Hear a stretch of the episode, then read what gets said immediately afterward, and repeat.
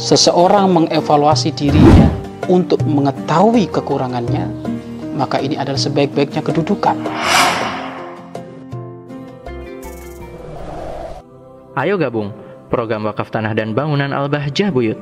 Hanya 200 ribu per meter. Assalamualaikum warahmatullahi wabarakatuh. Alhamdulillah. الحمد لله الذي هدانا لهذا وما كنا لنهتدي لولا أن هدانا الله أشهد أن لا إله إلا الله وحده لا شريك له وأشهد أن محمدا عبده ورسوله اللهم صل وسلم وبارك على حبيبنا وشفيئنا وقرة أعيننا ومولانا محمد صلى الله عليه وسلم وعلى آله وأصحابه وتابعين لهم بإحسان إلى يوم الدين أما بعد perindu-perindu Allah perindu-perindu Rasulullah para pemirsa para sahabat yang dimuliakan oleh Allah Subhanahu wa taala. Jangan egois dengan pendapatmu. Jangan sampai engkau ingin pendapatmu diterima namun dengan meruntuhkan pendapat orang lain. Sahabat yang dimuliakan oleh Allah Subhanahu wa taala. Di dalam kita bermuamalah, bermuasyarah dengan makhluk Allah, dengan hamba-hamba Allah. Jangan sampai kita menonjolkan sifat egois. Egois itu menggedikan dirinya, tidak mau pendapatnya orang lain masukkan orang lain. Maka dia telah mengambil wilayah iblis, wilayah kesombongan yang sombong akan runtuh. Yang sombong akan dihancurkan oleh Allah. Karena sombong itu adalah sifatnya Allah. Al-kibriya uridai. Al-kibriya uridai. Sombong itu selendangku. Jangan macam-macam mengambil selendangku, kata Allah. Yang ngambil selendangku, wilayah kesombongan ini bahaya. Maka di dalam kita bermuamalah dengan manusia ini tidak boleh kita menampakkan sifat egois. Ingat, otak kita terbatas omongan kita terbatas, mata kita terbatas, pendengaran kita terbatas, kelakuan kita pun terbatas, banyak kekurangannya.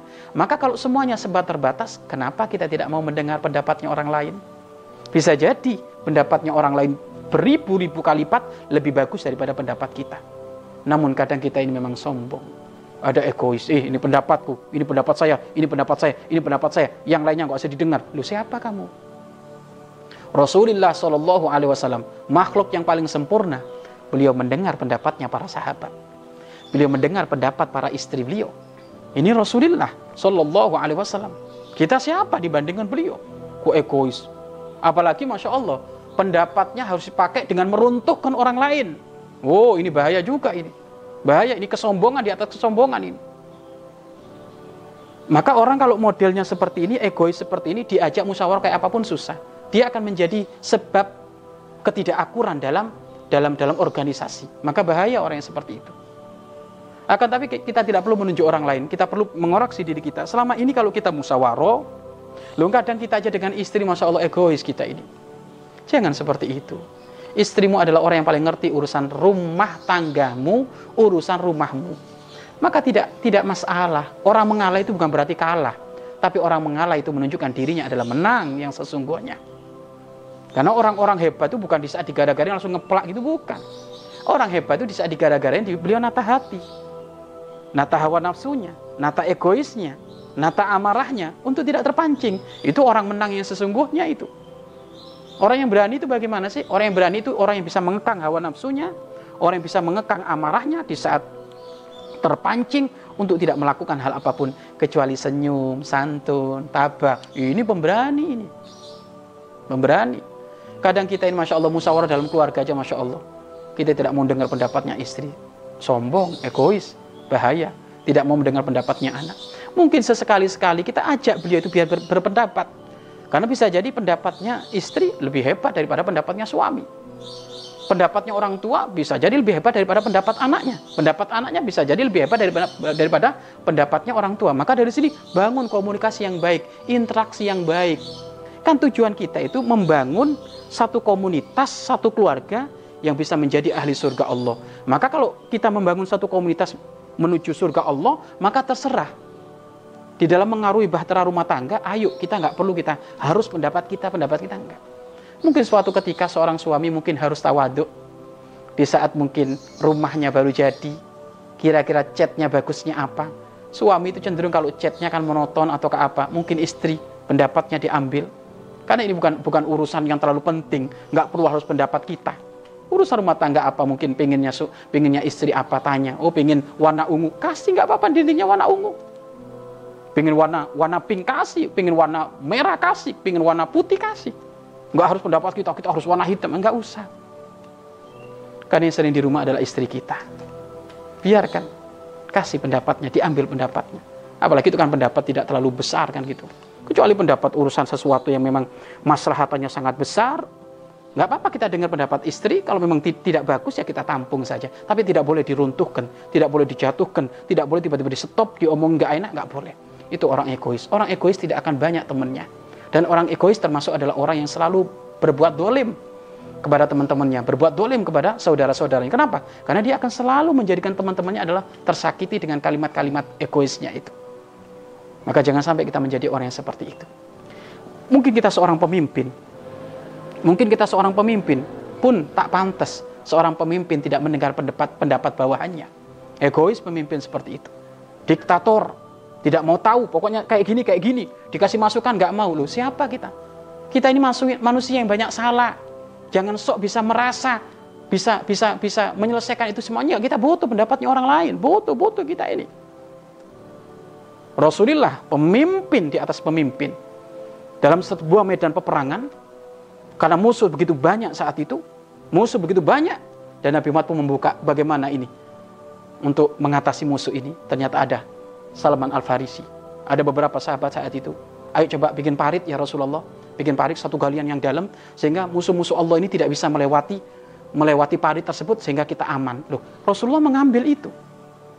Padahal Rasulullah kurang cerdas kayak apa? Pemimpin di atas pemimpin. Makanya wahai engkau pemimpin RT, RW, Pak Lurah, Pak Camat, Bupati, Presiden sekalipun jangan engkau antipati daripada pendapat-pendapat bawahanmu. Karena pendapat bawahanmu bisa jadi itu pendapat yang bagus yang dititipkan oleh Allah melalui bawahanmu sehingga engkau akan menjadi orang yang hebat. Maka dengar, dengar, dengar. Dan ingat, yang biasa mengucilkan pendapatnya rakyat, yang biasa mengucilkan pendapatnya orang bawahan akan dikucilkan oleh Allah Subhanahu wa taala. Itu bukan sifatnya Nabi Muhammad. Nabi Muhammad mendengar pendapatnya siapa pun. Kalau memang ternyata ada hitung-hitungan, tinggal ditampung, tidak usah diambil, tapi nggak perlu usah dicaci maki atau di stop kayak gitu, nggak perlu. Jangan sampai kita dalam musyawarah angkuh. Kepala satu dengan kepala dua itu beda. Kepala satu mumet, mikir, suntuk. Kepala dua, Alhamdulillah. Ada celah lagi untuk kemudahan. Kepala tiga, kepala empat, kepala sepuluh. Masya Allah. Makanya, mafin nada mafil musyawarah. Gak ada penyesalan di dalam musyawarah. Karena musyawarah itu isinya otaknya orang banyak. Memikir kebaikan semuanya. Mafin nada mafil musyawarah. Gak ada penyesalan dalam musyawarah. Yang ada penyesalan kalau mikir sendiri. Dan manajemen di dalam Islam sangat perlu. Nata manajemen di dalam Islam, satu organisasi itu sangat perlu. Penting sekali. Karena kebaikan yang tidak termanage akan terkalahkan dengan kejelekan yang termanage. Maka kebaikan harus di manage. Lu manage itu apa? Manage itu pengaturan yang ini muaranya nanti pendapatnya dari bawahan, dari atasan, dari saudara kita, dari anak-anak kita, dari tetangga kita, semuanya kita kita kita tampung semuanya. Diambil yang baik. Jangan menjadi orang yang egois. Egois akan menjadikan kau runtuh. Orang kaya raya egois akan runtuh.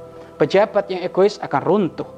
Ustadz juga yang egois, tidak mau dengar masukan orang, tidak mau mendengar pendapatnya orang, ini pun akan runtuh. Hati-hati. Mudah-mudahan Allah menjaga kita daripada sifat egois, sifat yang sombong, antipati, tidak mau mendengar nasihat, tidak mau mendengar mendengar masukan atau diktator. Mudah-mudahan kita jauh, dijauhkan dari sifat-sifat tersebut sehingga kita semuanya memiliki akhlak yang mulia seperti akhlaknya Rasulullah Shallallahu Alaihi Wasallam. Mari berinfak untuk operasional lembaga pengembangan dakwah Bahjah Buyut.